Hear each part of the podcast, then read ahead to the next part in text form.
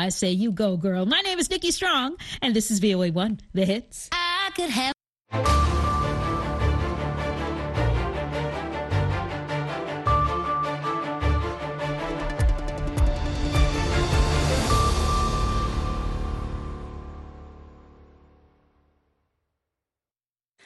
Halkani waa washington laanta afka soomaaliga ee v o a oo aad ka dhagaysanaysaan muwjadaha gaagaaban iyo efemyada geeska afrika iyo caalamka oo dhan oo aad nagala socotaan boggeena v o a somaly com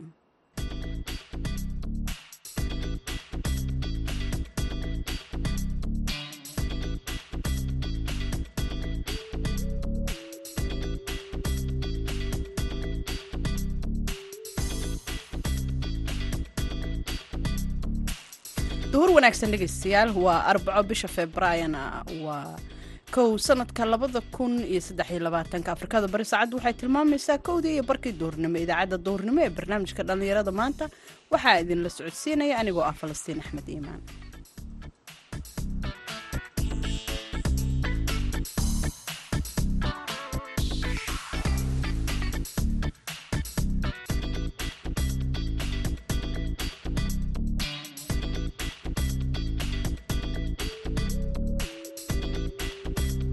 qodobada aad ku maqli doontaana waxaa ka mida waraysi ku saabsan dhibaatooyinka tahriibka ay dhallinyaradu kala kulmaan iyadoo ay jiraan kuwo inta ay tahriibeen kadib noloshii qurbaha ay u adkaysan waayey dibna ugu soo laabtay deegaanadoodii. Muddadaan meesha joogayna dhibaatooyin badan oon la kulmay way jirtaa. Waxaad la kulmaysay waxaana indhahayga saara dad soomaaliya oo la dilo xabada lagu dhifto waxaana indhahayga saara dad soomaaliya tuuraya ay ku dhacaan. Isku soo wada xooriyo rajadii aan ku xisaabtamaynay ma dhaafin intii wadanka lagu hayay ahayd un quudasho iyo wax maalin la xidhiyo wax la cuno. Waxaa kaloo aad maqli doontaan arday baratay xirfadaha caafimaadka oo tababar loogu soo xiray magaalada boosaaso sidoo kale waxaanu idiin haynaa heesihii iyo ciyaarihii oo aan barnaamijka ka maqnayn. Marka horese ku soo dhowaada warkii caalamka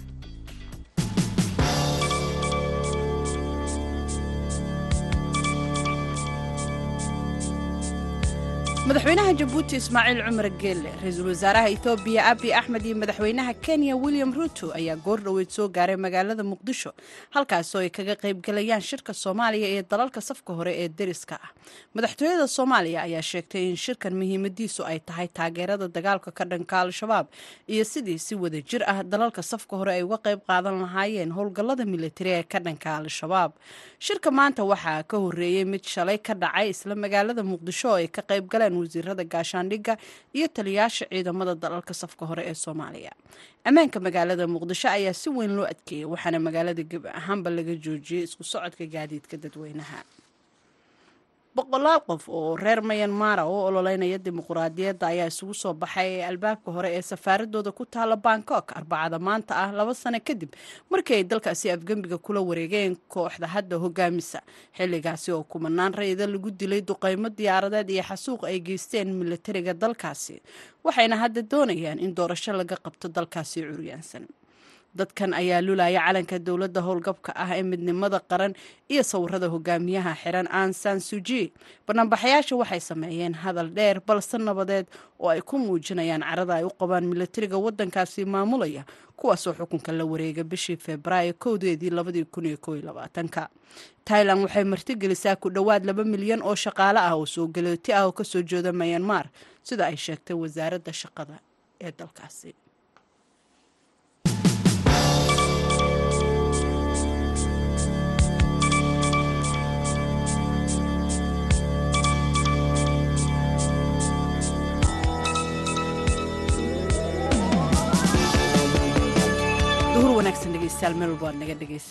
magaalada boosaaso waxaa lagu qabtay xaflad lagu maamuusayo dhallinyaro baratay xirfadaha caafimaadka si ay ugu adeegaan bulshooyinka puntland. Wariyaha v o eda ee boosaaso yuusuf maxamuud yuusuf ayaa warbixinta noo soo diray. Munaasabadan oo ay ku qalinjebinayeen dhallinyaro isugu jira wiilali gabdho ayaa xafladooda sagootineed ee waxbarasho waxaa lagu qabtay magaalada boosaaso waxaana ay barteen kuliyadaha caafimaadka. Dhallinyaradan ayaa ka kala yimi gobollada qaar iyo degmooyinka gobolka bari oo mararka qaar ay ka dhacdo baahi caafimaad iyadoo bulshadana aan helin adeegyo ku filan. Dhallinyaradan ayaa ku laabanaya iyagoo bartay takhasuska caafimaadka. Si bulshada ay ugu adeegaan waxa ay barteen. Ugu horeyn qaar ka mid ah dhallinyaradan oo isugu jira wiilal iyo gabdho ayaan kala sheekaystay. Waxa ay ku doorteen inay bartaan maadada caafimaadka iyagoona igaga warramay waxay uga dhigan tahay xafladooda qalinjibinta maanta. Waxaan bartay kuliyadda neers kuliyadda neerska oo kalkaaliyaha caafimaadka. Magacayga waa ilhaan octoobar xaaji saalax. Waxaan ka qalin jabiyey macadka eastshore medical college. Haddii aan maanta qiimeeyo ama aan dareenkayga ka jawaab celiyo runtii dareenkayga lama soo koobi karo. Waxay ahayd farxad aan sugayey ama aan u sabrayey sanado soo dheer. Inaan ka qalin jabiyo xafladan oo kaleeto aan ka soo qayb galo. Nutritionka ayaa baratay sidee u baratay? Marka qaabka u baratay iga war nutritionka runtii waxaan u bartay wuxuu ahaa buddhigayga ama fakaltiyada ama heerarkaan islahaa gaar. Markaan caafimaadka astaynayey runtii aniga sbeshaalkayga ama khaaskayga waxaan u bartay waxay ahaayeen kuliyadda caafimaadka.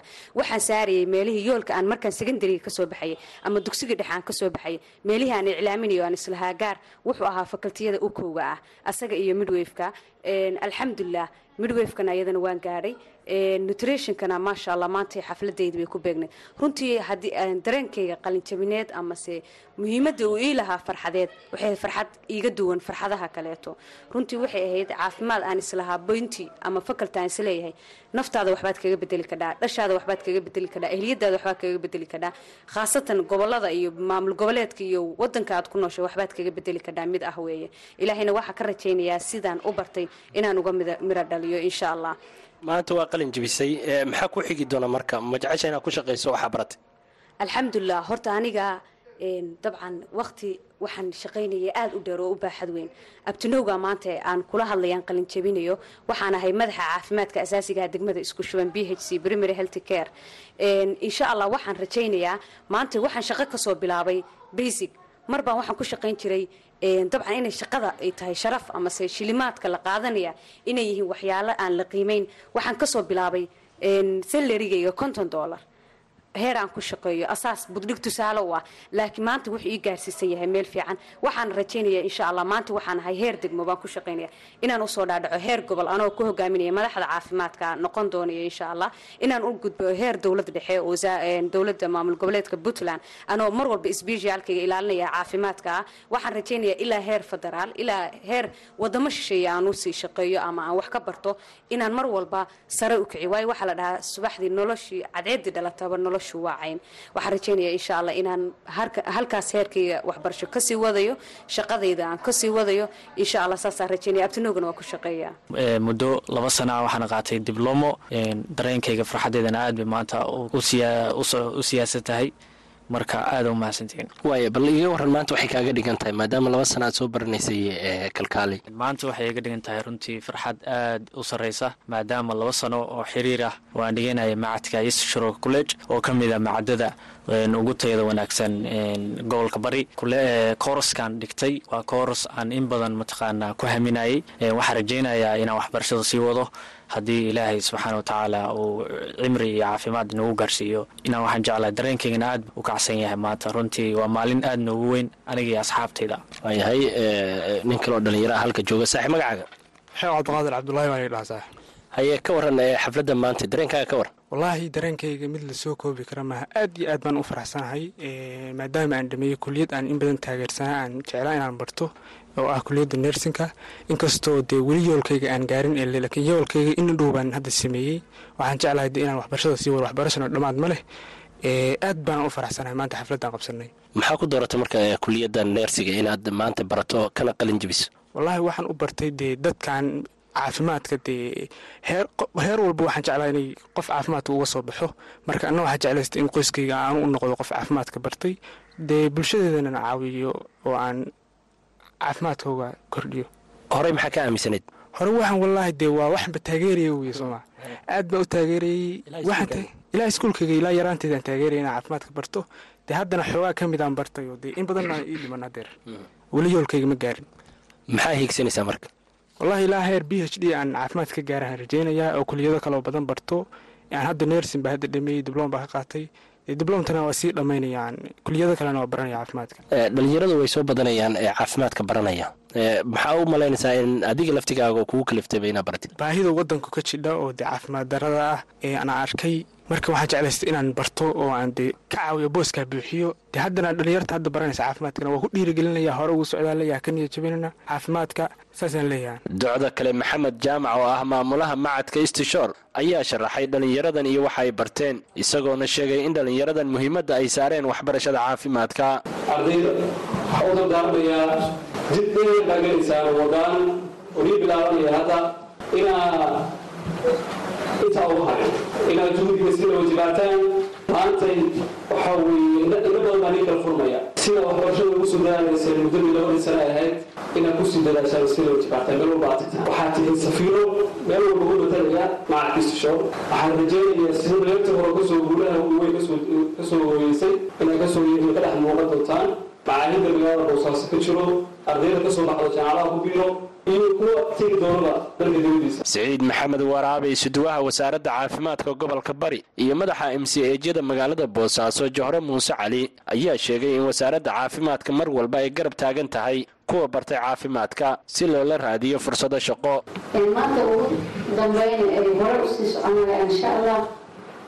anaga wasaaradda caafimaadka anoo ku hadlayo magaceeda waxaan soo dhaweynayna ardayda caafimaadka ka baxday. Baraafikadooda hadday ahaydna horeyba u soo qaateen. Fursado haddii loo helayana diyaar baan u nahay. Waan soo dhaweynaynaa meel kasta ay joogaan. Gobolka bari iyo gobollada dariska nalaa intaba way ka soo baxeen wayna aadayaan insha allah. Waxaan dareensanahay keliya gobolka bari inayan ahayna ay ka yimaadeen gobollada puntland oo dhan ardada meeshaan fadhida. Ka wasaaradda caafimaad ahaan wasaaradda caafimaadku waxay soo dhaweynaysaa guud ahaan qof kasta oo shaqaale caafimaad ah oo arday caafimaad ah oo caafimaad bartay waxay u tahay wasaaradda caafimaadku hooye iyo aabo waa halka ay ku soo hirtaan waa dallada ay isugu yimaadaan dhammaantood shaqaalaha caafimaadka meel kastoo ay joogaan. Magaaladan waxay nasiib u yeelatay inay ku yaalaan jaamacadaha ugu badan iyo macaahidda ugu badan ee guud ahaan ku yaalla puntland marka waxaad garan karaysaan aqoonta waxbarasho ee caafimaadkuna maanta heerka ay ka taagan tahay waxbarashada kale. Dadka hadda baranaya caafimaadku waxay ka badan yihiin dadka badanaya subjectska kale ee waxbarashada ah. Marka waxaa laydinka rabaa dadaal. Qof kasta wuxuu kaga soo dhex bixi karaa tiimkiisa dadaalka isaga u gaara ee uu bixiyo. Yuusuf maxamuud v o e boosaaso markana dhinacii heesaha codka cabdikariin cali shaah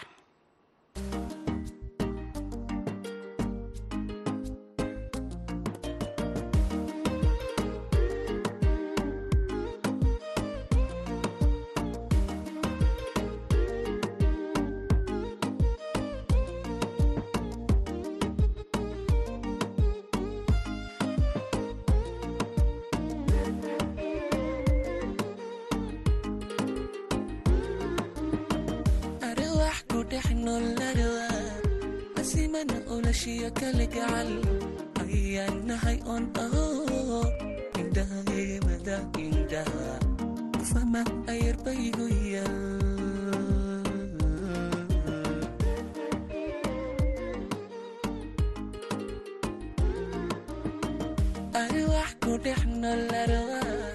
asimana olashiyo kala gacal ayaan nahay on aho indhaheemada indhaha sama ayer baygu yal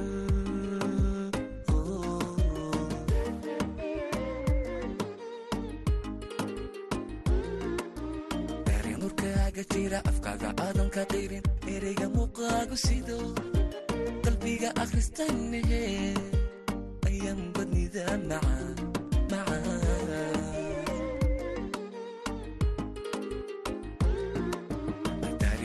waxaaga jira afkaaga aadanka qayrin ereyga muuqaagu sido. Qalbiga akhristayne ayaan badnida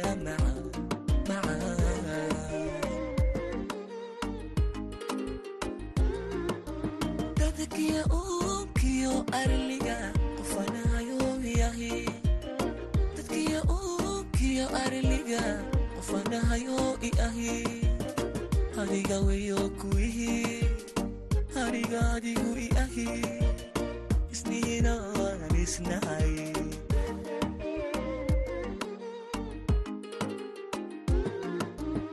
dadkiyo uunkiyo arliga qofan ahay oo i ahi dadkiyo uunkiyo arliga qofan ahay oo i ahi adiga weyo kuwihi aniga adigu i ahi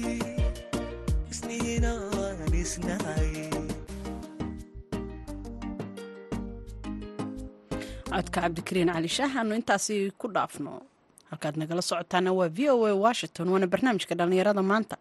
Dhallinyaro badan oo shaqo la'aani ay la soo diristay ayaa ka hayaamay magaalooyinkoodii iyo deegaanadoodii ay ku dhasheen iyagoo raadinaya nolol wanaagsan.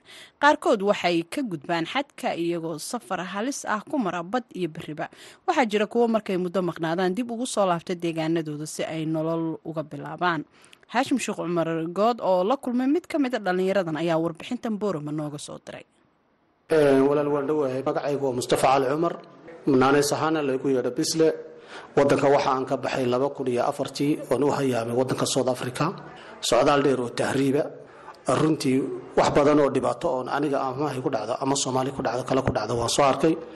Qofkuna wuxuu qiimiye qaaya kuleeyahay markuu caradiisa jooga laakiin beled kale marka uu tago inuu ku qasbanaado adkaysiga dhibaatada mooyaane wax wax ka qaban karo ama lehaa mustafe markii aad gaadhay south africa.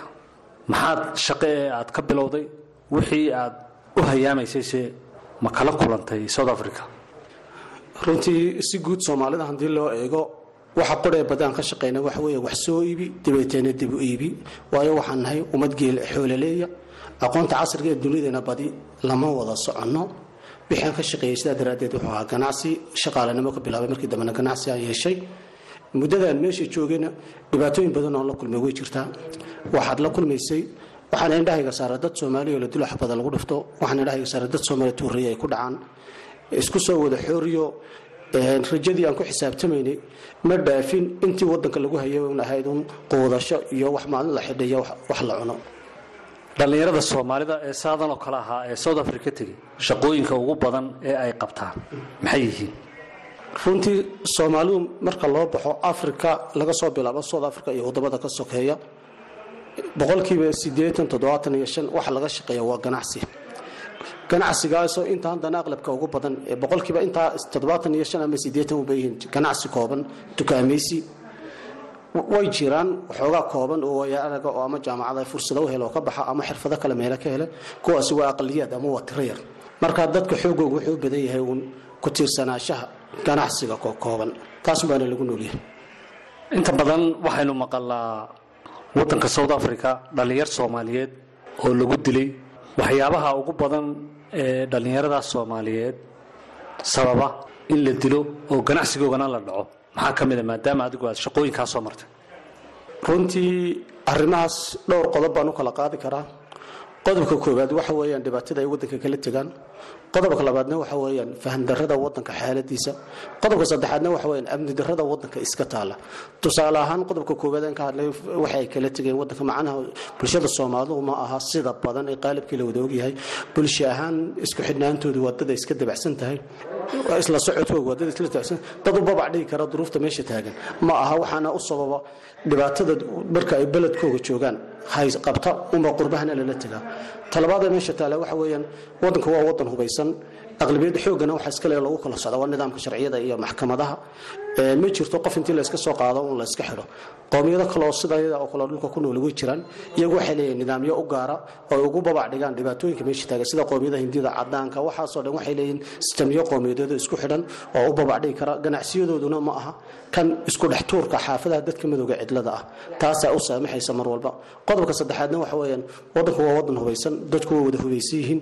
Qofku hadduuna jawigii la jaan qaadi karin isagaa u nuglaanayo dhibaatada ku dhacaysa mar walba intii aad ka shaqaysanaysay south africa bal waxyaabaha mucjisada ah ee aad adu la kulantay maxaa ka mid a mucjisaadka aan la kulmay waxaa ka mid ahaa tusaale ahaan hal dhacdoon mar aan la kulmayey ninbaa iska shaqaysanayey qaadbu iska cunaya waa iska fuuraray qof degaana xitaa meeshii taagnaa.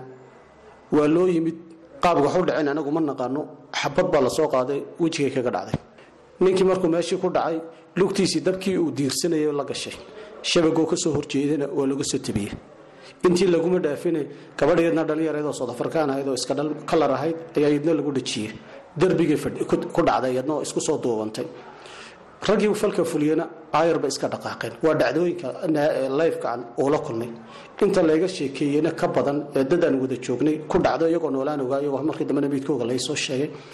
Isku soo wada duubo arrintana muhiimadeeda ugu weyn wey waa sidaan kuu sheegay waxa weeyaan jawiga waddanka yaalla iyo dhaqanka nololeed ee soomaalidu laba isqaadan kara maaha. Bulshadu haddaanay bulsho adag hayna meelay ka bixi karto dhibaatada meeshaa taala ma aha. Wax walow la isku sii dhajiyo oo shilimaan la fiiriyana kolley geerida unbaa sii badan doonta.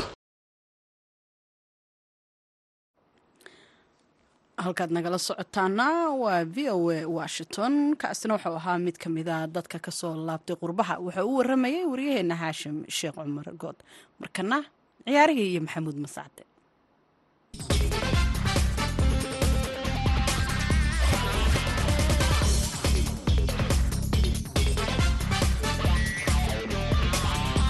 aan ku bilowna ee xalay waxaa soo xirmay suuqa kala iibsiga ciyaartooyda ee qaar ka mid ah dalalka horyaalada kubadda cagta yurub uga caansan.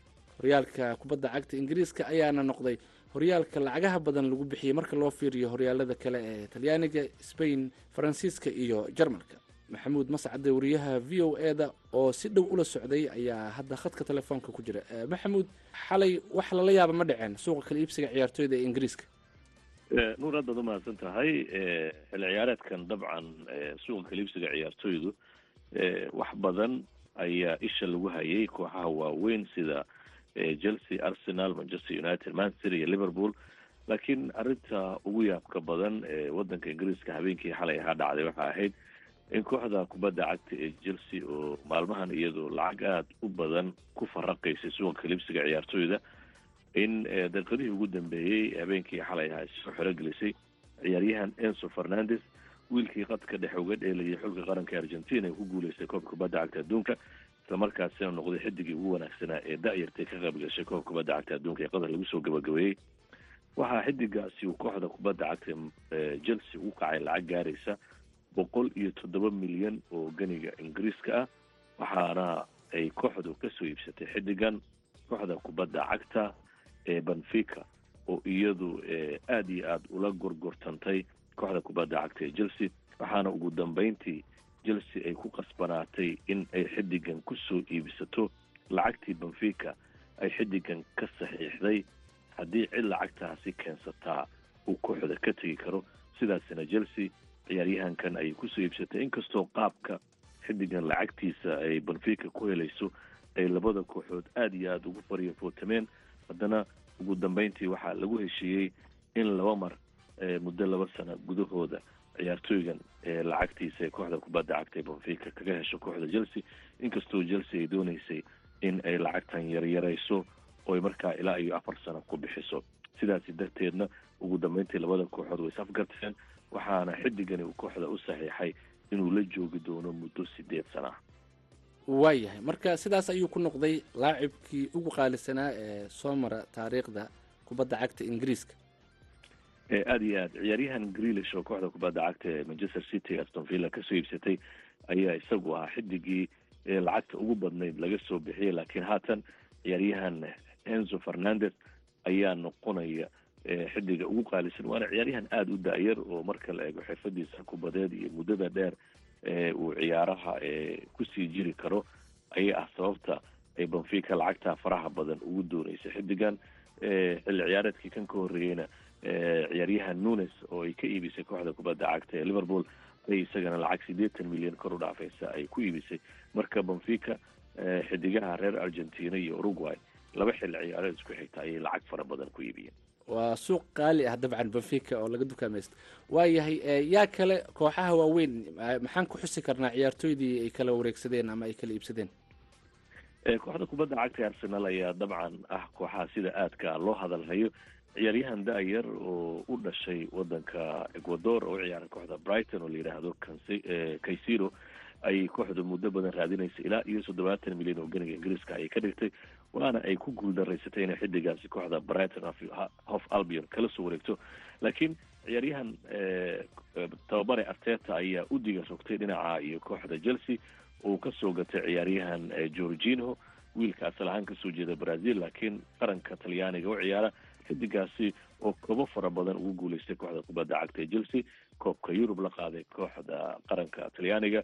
Waxaana ciyaaryahankan uu kooxda u kacay lacag aada u yar oo laba iyo toban milyan oo ganiga ingiriiska ay kooxda kubadda cagta arsenal ee georgina kula soo wareegtay laakiin marka la eego xidigan qaabka uu kubadda u ciyaaro oo macalin arteta yahay qaabka aadka u jecel yahay islamarkaasina ahaa mar inay kooxda manchester city xilligaasi uu arteta laftiisu ka mid ahaa macalimiinta kooxdaasi ee ciyaaryahanka didayeysay inuu u arko arteta georgino nin kooxda arsenal waxa weyn ku soo kordhin kara islamarkaasina qadka dhexe ee kooxda uu waxa weyn ka bedeli karo. Marka mar walba georgino waxa uu ahaa xidig aan ka bixin maanka tababare arteta. Haddii doorkii koowaad ee kooxdu raadinaysay casilo oo ahaa nin da-yar inay kooxda soo iibsato uu suurageli waayey. Waxaa u suura gashay marka inuu kooxda chelsea oo xidiga fara badan soo iibsatay inuu ka faa'iidaysto. Ciyaaryahanada badan ay doonayaan haatan inay kooxda ka diraan. Sidaasina georgino ayaa ku imaanaya kooxda kubadda cagtay arsenal muddo toban iyo sideed bilooda ayaa heshiisha laga saxeixay waxa uuna ciyaaryahanku kooxda u xiran doonaa nambarka labaatanaad. Dadka ciyaaraha ka faallooda waxay leeyihiin ciyaaryahankan waxa weyn ayuu ku soo kordhin doonaa kooxda kubadda cagta arsenal. Qadkeeda dhexe oo labada ciyaaryahan ee shaaka iyo barte ay u baahan yihiin xidig haddii ay dhaawacmaan booska buuxin kara. Sidoo kalena bedel u noqon kara ciyaaryahanadaasi. Waxaana la filayaa inuu kooxda kubadda cagta ee arsenal doorka iyo halganka ugu jirto hanashada horyaalka waddanka ingiriiska oo xidigani wax weyn ka tari doono dhinaca kale nuurow haddii la eego kooxaha kale manchester united uu ka dhaawacmay ciyaaryahan ericson waxa ay deyn kaga soo qaadatay kooxda bayer munich ciyaaryahan sabitar oo isaga la filayo inuu wax weyn kooxda ku soo kordhin doono.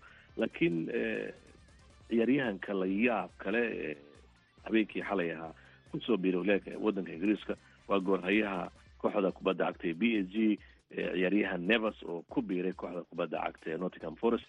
Goorhayahaasi kooxda kubadda cagta ee real madrid saddex champions league ayuu la soo qaaday waxaana la filayaa kooxda nottingham forest inuu ka badbaadin doono ku noqoshada ciyaaraha heerka labaad ee waddanka ingiriiska.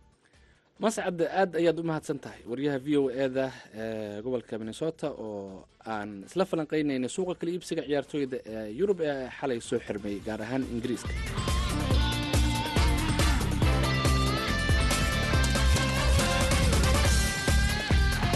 ciyaaraha waxaana la socodsiinaya nuur xasan nuur iyo maxamuud mascade markan gabagabada idaacadda annagoo ku sii dhowaanayna dhinacii heesaha